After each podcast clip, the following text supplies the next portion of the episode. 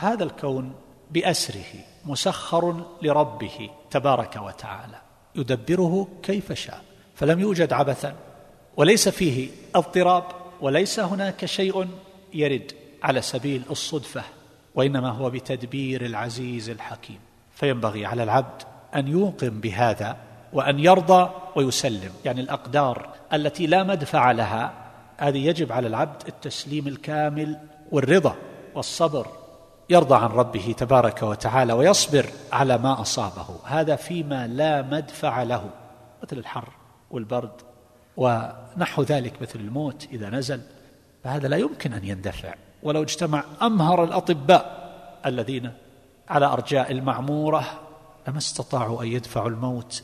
عشر ثانية. ما يمكن. عشر ثانية. مهما تطور الطب تخيل ما شئت لن يستطيع أن يدفع الموت عن الإنسان. إذا جاء الأجل عشر ثانية ولا أقل من هذا. فهذا إذا نزل القدر يجب على العبد التسليم الكامل فيما لا مدفع له. ولهذا كان بعض السلف يكره أن يدخل الإنسان ويقول اليوم حر اليوم رطوبة اليوم برد. ولهذا كان بعضهم يرد عليه حينما يقول اليوم برد. يقول هل استدفأت الآن؟ يعني حينما قلتها هل استدفأت؟ هل انتفعت؟ هل تغير من الأمر شيء؟ يعني كأنه يقول بأن هذا نوع من التذمر على قدر الله عز وجل وتصريفه لأمر هذا الكون. ماذا تستفيد حينما تتكلم بمثل هذا؟ حر رطوبة برد يدخل الإنسان بيته متذمرا. ماذا يغير من الواقع؟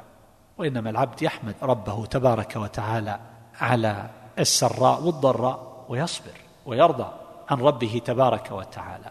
النوع الثاني من القدر وهو الذي يمكن مدافعته بالقدر. فالجوع يدفع بالأكل والعطش يدفع بالشرب وكل هذا بقدر الله عز وجل.